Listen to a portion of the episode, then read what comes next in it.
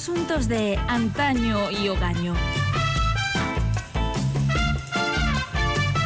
Un espacio sobre historias de la moda, reflexiones costumbristas y momentos de inadvertida felicidad. Adereza Edurne Baz.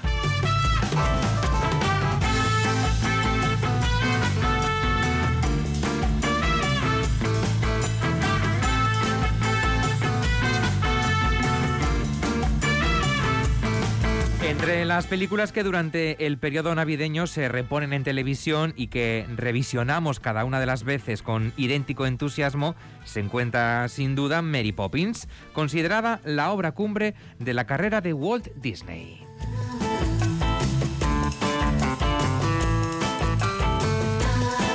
De hecho, en 2006 el Instituto Estadounidense del Cine la incluyó en el puesto número 6 de la lista de los mejores musicales del cine norteamericano. Edu Rebaz, ¿qué tal? Hola. Hola, muy bien. Y nos propones un viaje en el tiempo, pero para todas las generaciones desde los 60. Exactamente, vamos a volver atrás a nuestra infancia, básicamente, y también en el tiempo, porque en 2013 la Biblioteca del Congreso de Estados Unidos seleccionó Mary Poppins para su preservación en el Registro Nacional de Películas como cultural, histórica o estéticamente significativa.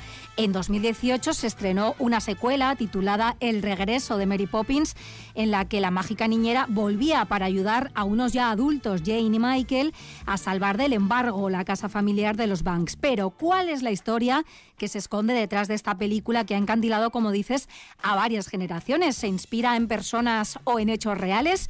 Nos adentramos en un supercalifragilístico espialidoso episodio. It's supercalifragilisticexpialidocious, even though the sound of it is something quite atrocious. If you say it loud enough, you'll always sound precocious. Supercalifragilisticexpialidocious. En 1964 se estrenó Mary Poppins, una película musical de fantasía dirigida por Robert Stevenson, producida por Walt Disney y con canciones escritas por los hermanos Sherman y que van a pasar a la posteridad, ¿no? Que todos recordamos y cantamos. Se nos van los pies. Bueno, pues la hoy mastodóntica compañía, que entonces era conocida fundamentalmente como productora de dibujos animados, combinó en esta original y ya mítica película las animaciones que la habían hecho célebre con el trabajo de actores de carne y hueso y costosos decorados construidos, por supuesto, para la ocasión. Recordamos que la película está protagonizada, entre otros, por Julie Andrews en el papel de Mary Poppins y de Dick Van Dyke en el papel de Bert. El argumento de la película lo conocemos eh, todos a la perfección, pero vamos a Sí. recordarlo. Nos situamos en Londres, 1910, aunque como veremos el origen eh, real es otro, es otra fecha, pero bueno, la película, Londres, 1910, las cosas están un poco fuera de control en el hogar de la familia Banks, la última niñera ha dimitido, desesperada por el travieso comportamiento de Jane y Michael. El enfadado y siempre ocupado señor Banks decide contratar a una nueva institutriz que enderece a sus hijos. Y es entonces cuando hace su aparición la misteriosa y peculiar Mary Poppins, quien con sus singulares métodos logrará no solo encarrilar a los más pequeños de la casa, sino mejorar de paso la vida de toda la familia. In every job that must be done, there is an element of fun. You find the fun and snap. The job's a game. And every task you undertake becomes a piece of cake, a lark, a spree.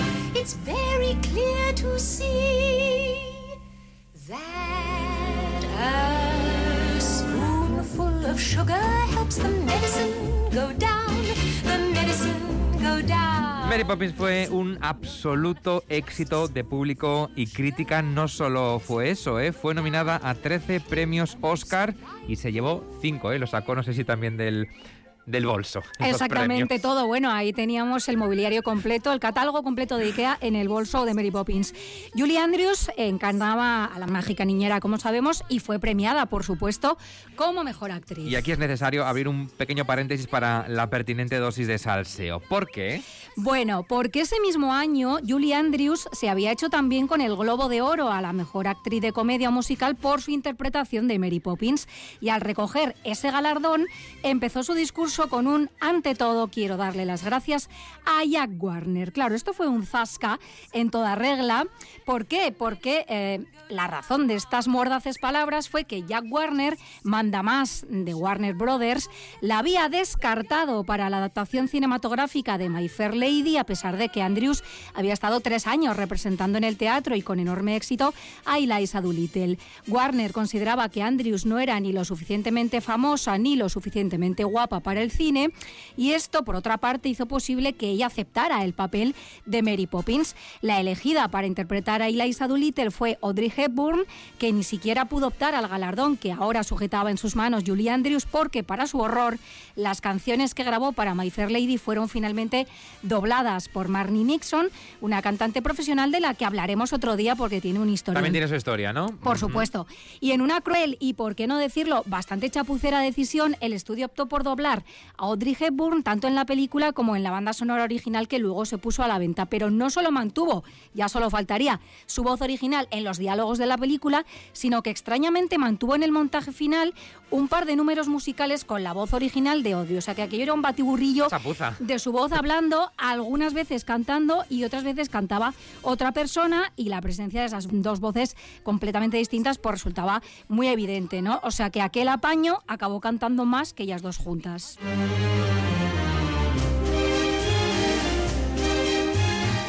Jiminy, Jim, Jiminy, Jim, Jim, Cheree. A sweep is as lucky as lucky can be. Jim, Jiminy, Jim, Jiminy, Jim, Jim, Cheroo. Good luck, we're above when I shake hands with you. Oblo- ¿Qué de recuerdos nos traen Ay, las sí. canciones de Mary Poppins? Yo recuerdo haberme disfrazado hasta de desollinador. Y yo ¿eh? de Mary Poppins.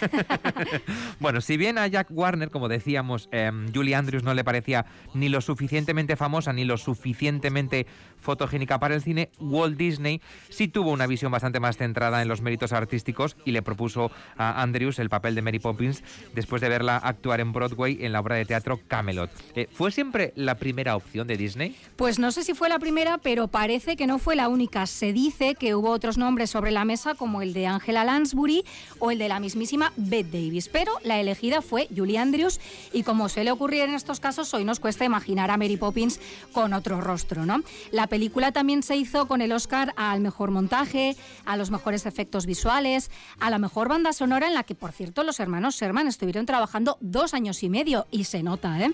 Y mejor canción original también por este Chim Chibri que escuchamos de fondo, aunque esta hay que decir que no era la favorita de Walt Disney, porque su canción favorita no solo de la banda sonora original de Mary Poppins, sino de toda su filmografía era, según su propia confesión, Feed the Birds, que hay que decir que es una canción preciosa. Feed the birds tuppence a bag, tuppence, tuppence, tuppence a bag. Feed the birds, that's what she cries, while overhead her birds fill the skies.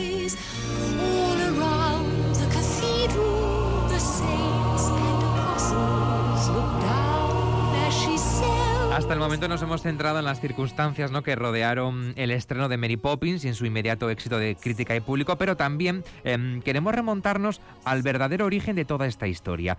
¿Dónde está Edurne? Bueno, quizá no todo el mundo sepa que Mary Poppins fue un personaje literario antes que cinematográfico. Su creadora fue Pamela Lyndon Travers, una mujer tan misteriosa y enigmática como la propia Mary Poppins. Una de las más emblemáticas películas de la historia del cine a punto estuvo de no hacerse realidad debido a las reticencias que Travers manifestó respecto a la adaptación de su más querido personaje. La conflictiva relación que Walt Disney y la singular escritora mantuvieron durante aquel larguísimo proceso daría por sí misma para una película que de hecho se hizo.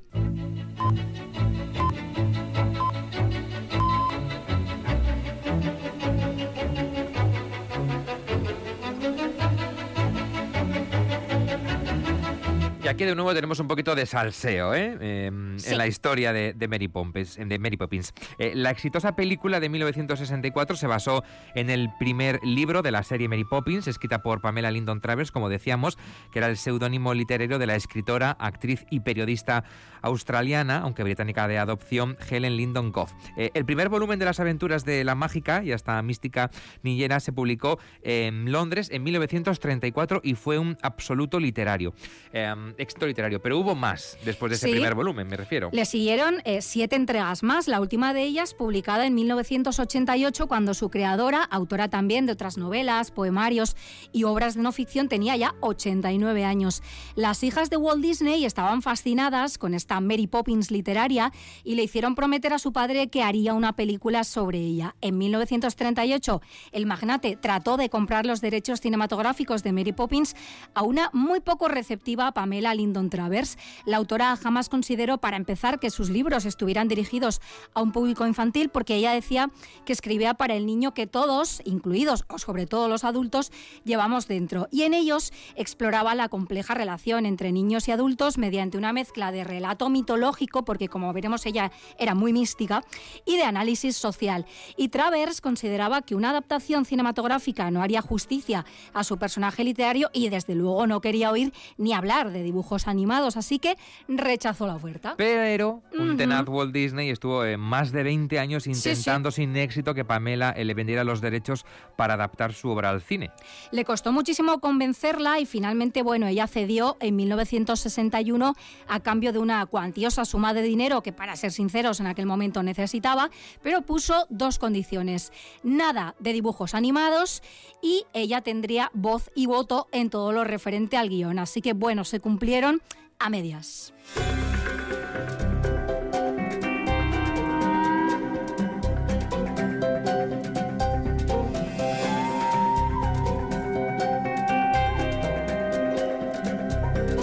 Proceso de escritura y producción de la película Mary Poppins fue, em, con la directa participación de Pamela Lyndon Travers, eh, bastante peliagudo. Eh, ¿Por qué? Bueno, ella era muy quisquillosa y rechazaba categórica y sistemáticamente según qué cambios respecto a la personalidad de Mary Poppins y desaprobaba que Disney intentara edulcorar a su institutriz original. No le gustaba, por ejemplo, el personaje de Bert, que en la obra original no existía como tal, sino que fue creado para el guion de la película como una mal de varios personajes que sí aparecían en los libros originales o en el libro original, el primero que fue el que se adaptó.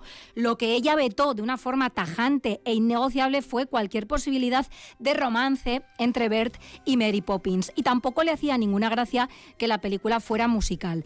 La tensa y complicada relación que Walt Disney y Pamela Lyndon Travers mantuvieron quedó recogida, aparte de en su correspondencia personal y en los diarios de la escritora, en Mary Poppins, que es la extensa biografía que sobre la autora escribió la periodista australiana Valerie Lawson, también en documentales como La verdadera Mary Poppins de Lisa Matthews, que podéis encontrar en YouTube, por ejemplo, y por supuesto dio como adelantábamos para película. ¿eh? Una película que, como decimos, eh, se estrenó en 2013 al encuentro de Mr. Banks, en la que Tom Hanks, recordarán, daba vida a Walt Disney y Emma Thompson eh, encarnaba a Travers. ¿no? Es la intrahistoria de, de esta relación. Exactamente, en esa película, bueno, quedaba muy claro que la relación entre el empresario y la escritora no fue precisamente un camino de rosas. Como afirma un amigo de Travers en este documental que mencionábamos, era como ver a dos fuerzas de la naturaleza rugiendo a lo largo de una vía de ferrocarril y avanzando hacia la inevitable colisión frontal. Tanto se complicaron las cosas que Walt Disney ni siquiera invitó a Travers al estreno de la película, pero ella, pues buena era, decidió pasar por alto este detalle yendo de todos modos, ¿no? Y de hecho, hay una foto histórica en la que aparece con Julie Andrews y con el propio Walt Disney, ¿no? Y cuenta la leyenda que asistió con horror al desarrollo de la película y que en la oscuridad de la sala lloró. O sea que no le gustó absolutamente nada eh, la película. No le gustó nada porque ella sentía que se había pervertido el sentido original de su obra para convertirla en un musical empalagoso. En una entrevista afirmó, es como si tomaran una salchicha, tiraran el contenido pero mantuvieran la piel y llenaran esa salchicha con sus propias ideas muy lejos de la sustancia original. Curioso paralelismo, ¿no? Exactamente. la salchicha y la película. Pero bueno, entendemos este momento salchicha morcilla que, que fueron los sentimientos de Travers en aquel momento. Y bueno, pues por muy picajosa que ella se mostrara durante la fase de producción, pues al final un poco Walt Disney hizo como solía lo que le dio la gana, ¿no? El productor creó su obra más taquillera y ella ganó una auténtica fortuna, pero jamás volvió a autorizar la adaptación de ninguna otra entrega de su saga dedicada a Mary Poppins.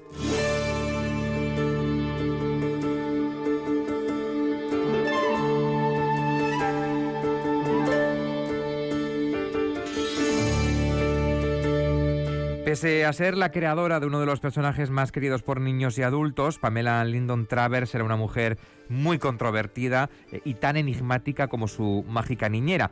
Vamos a escarbar, eh, Edurne, un poco más en esta parte de la historia, la Bueno. de la escritora Lyndon Travers. Nos pasa lo que nos ha pasado ya cuando intentamos reconstruir otras biografías, ¿no? Que hay personas pues que fabulan y mienten, sobre todo si han tenido un pasado que quieren borrar o quieren olvidar. Y en este caso, dada su tendencia también a mentir y fabular sobre su triste infancia en Australia, las informaciones que sobre ella circulan resultan en ocasiones contradictorias. En su juventud, además de iniciarse muy tempranamente en la literatura y en el periodismo, también realizó como actriz giras por Australia y Nueva Zelanda con una compañía shakespeariana itinerante. Y cuando se instaló en Inglaterra fue cuando empezó a escribir utilizando el seudónimo de P.L. Travers. Es en la triste infancia que durante años se empeñó en ocultar donde parece residir el secreto origen de Mary Poppins. Pamela idolatraba a su padre, que era un británico emigrado y empobrecido que trabajaba como el señor Banks en un banco al que le gustaba la poesía y que contaba fantásticas historias, pero tenía un severo problema de alcoholismo y murió cuando Pamela tenía solo siete años. Esto le impactó muchísimo y ella en realidad nunca se recuperó de aquella pérdida. De hecho, la figura paterna resulta clave ¿no? en las novelas de, de Mary Poppins. Totalmente. Y de hecho podríamos afirmar que en el fondo, tanto en las novelas como en la propia película, a quien viene a ayudar realmente la niñera mágica es al padre, ¿no? Más que a los niños. Y tras la muerte de su padre, tuvieron que recurrir su madre y sus hermanas y ella pues a la ayuda de una tía adinerada y algo autoritaria que pudo en parte inspirar el personaje de Mary Poppins, como también lo hizo, por ejemplo, el paraguas con una cabeza de loro en el mango, que era el que tenía una de las criadas. Bueno, Travers contó que el germen de Mary Poppins se encontraba en las historias que de niña creó para sus hermanas pequeñas. Sí, porque ella contaba que una noche de tormenta su madre, que sufría ansiedad y depresión y que además estaba desesperada por la muerte de su marido, pues corrió hacia un arroyo cercano gritando que se iba a arrojar a él para acabar con su vida, pues como Virginia Woolf, ¿no? Y para consolar a sus hermanas, Pamela, que entonces tenía unos 11 años, echó un tronco a la chimenea, trajo un edredón de la cama y envueltas las tres en él, sentadas allí frente al fuego, empezó a contarles la historia de un caballo mágico que, bueno, podría ser la primera encarnación a lo mejor de la futura Mary Poppins, ¿no? Y su madre hay que decir que volvió unas horas después empapada, pero afortunadamente viva. De todas maneras, Travers también aportó otras versiones no más esotéricas sobre el origen de este célebre personaje. ¿Cuáles son? Sí, bueno, ella sugirió que solo había sido un vehículo para esta historia, ¿no? Ya decía que fue una persona muy mística y muy esotérica. Ella contaba, sin cortarse un pelo, que Mary Poppins se le apareció durante una enfermedad poco antes de escribir el libro y que le dijo sin más apunta y ella pues apuntó, ¿no?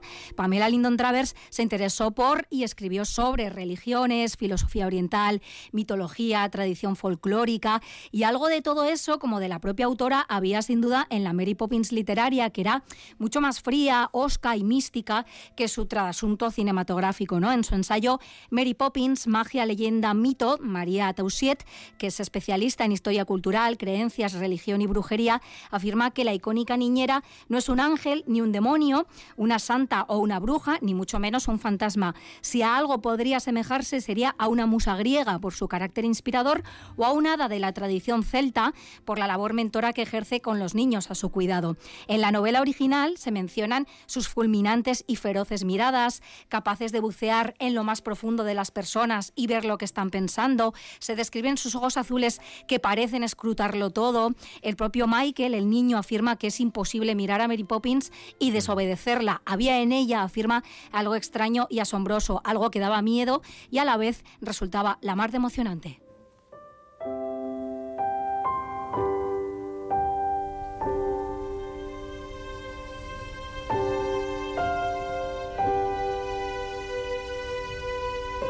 En Asuntos de Antaño y Ogaño estamos repasando la historia de Mary Poppins, la célebre película que todos recordamos, pero también de su autora original, porque está basada en un libro de Pamela Lyndon Travers, y hay un episodio en la biografía de esta mujer eh, particularmente turbio.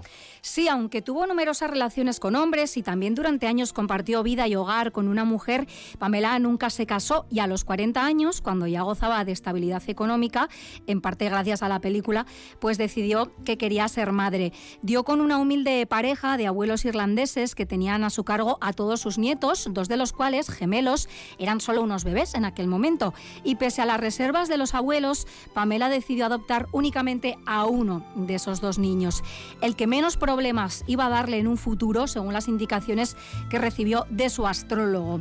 El elegido fue Camillus, al que nunca reveló que era adoptado y al que hizo creer que su padre, un exitoso empresario, había muerto en un accidente pero a los 17 años Camillus descubrió la verdad. No solo que tenía hermanos, sino que tenía un hermano gemelo del que había sido separado en la misma cuna. Se sintió repentinamente vacío, traicionado y culpable por llevar una vida rodeada de comodidades mientras sus hermanos pues malvivían en la miseria. Intentó de hecho recuperar el contacto con ellos y con su hermano gemelo en particular, pero pues ya no era lo mismo, ya no se podía recuperar aquella relación y como el padre de la propia escritora buscó refugio en el alcohol.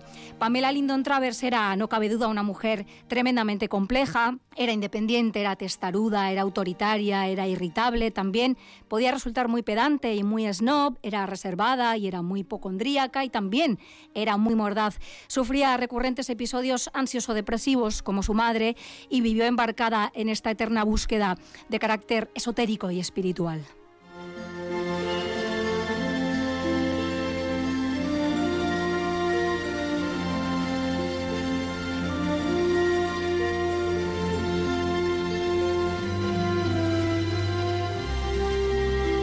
Mary Poppins, ya sea en su versión literaria, cinematográfica o teatral, em, ha marcado varias generaciones de niños y adultos. Hay en esa película algo que despierta nuestra nostalgia, ¿no? Un deseo, podemos decir, Edurne, consciente de creer en la magia. Sí, porque a fin de cuentas a quien no le gustaría poder recoger la casa, ¿no? O con un chasquido de dedos, como hacen en aquella escena los niños y ella. Bueno, pues Pamela Lyndon Travers fue nombrada oficial de la Orden del Imperio Británico por la reina Isabel II en 1977 por su indudable contribución a la literatura. Murió en Londres el 23 de abril de 1996 a los 96 años y aunque la película de Walt Disney inmortalizó para siempre a su personaje y también nos marcó a todos y a todas, pues la escritora dejó recogido en su testamento explícitamente que ningún norteamericano pudiera adaptar en adelante ninguno de sus libros.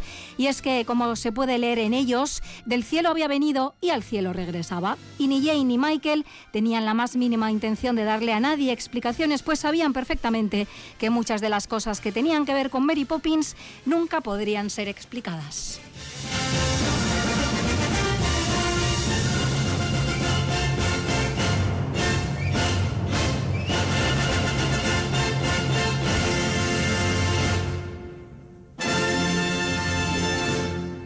Pues en Asuntos de Antonio Yogaño hemos repasado la historia de Mary Poppins. Edurne Vaz, es que ricasco. Eso regatic. Agur. Agur.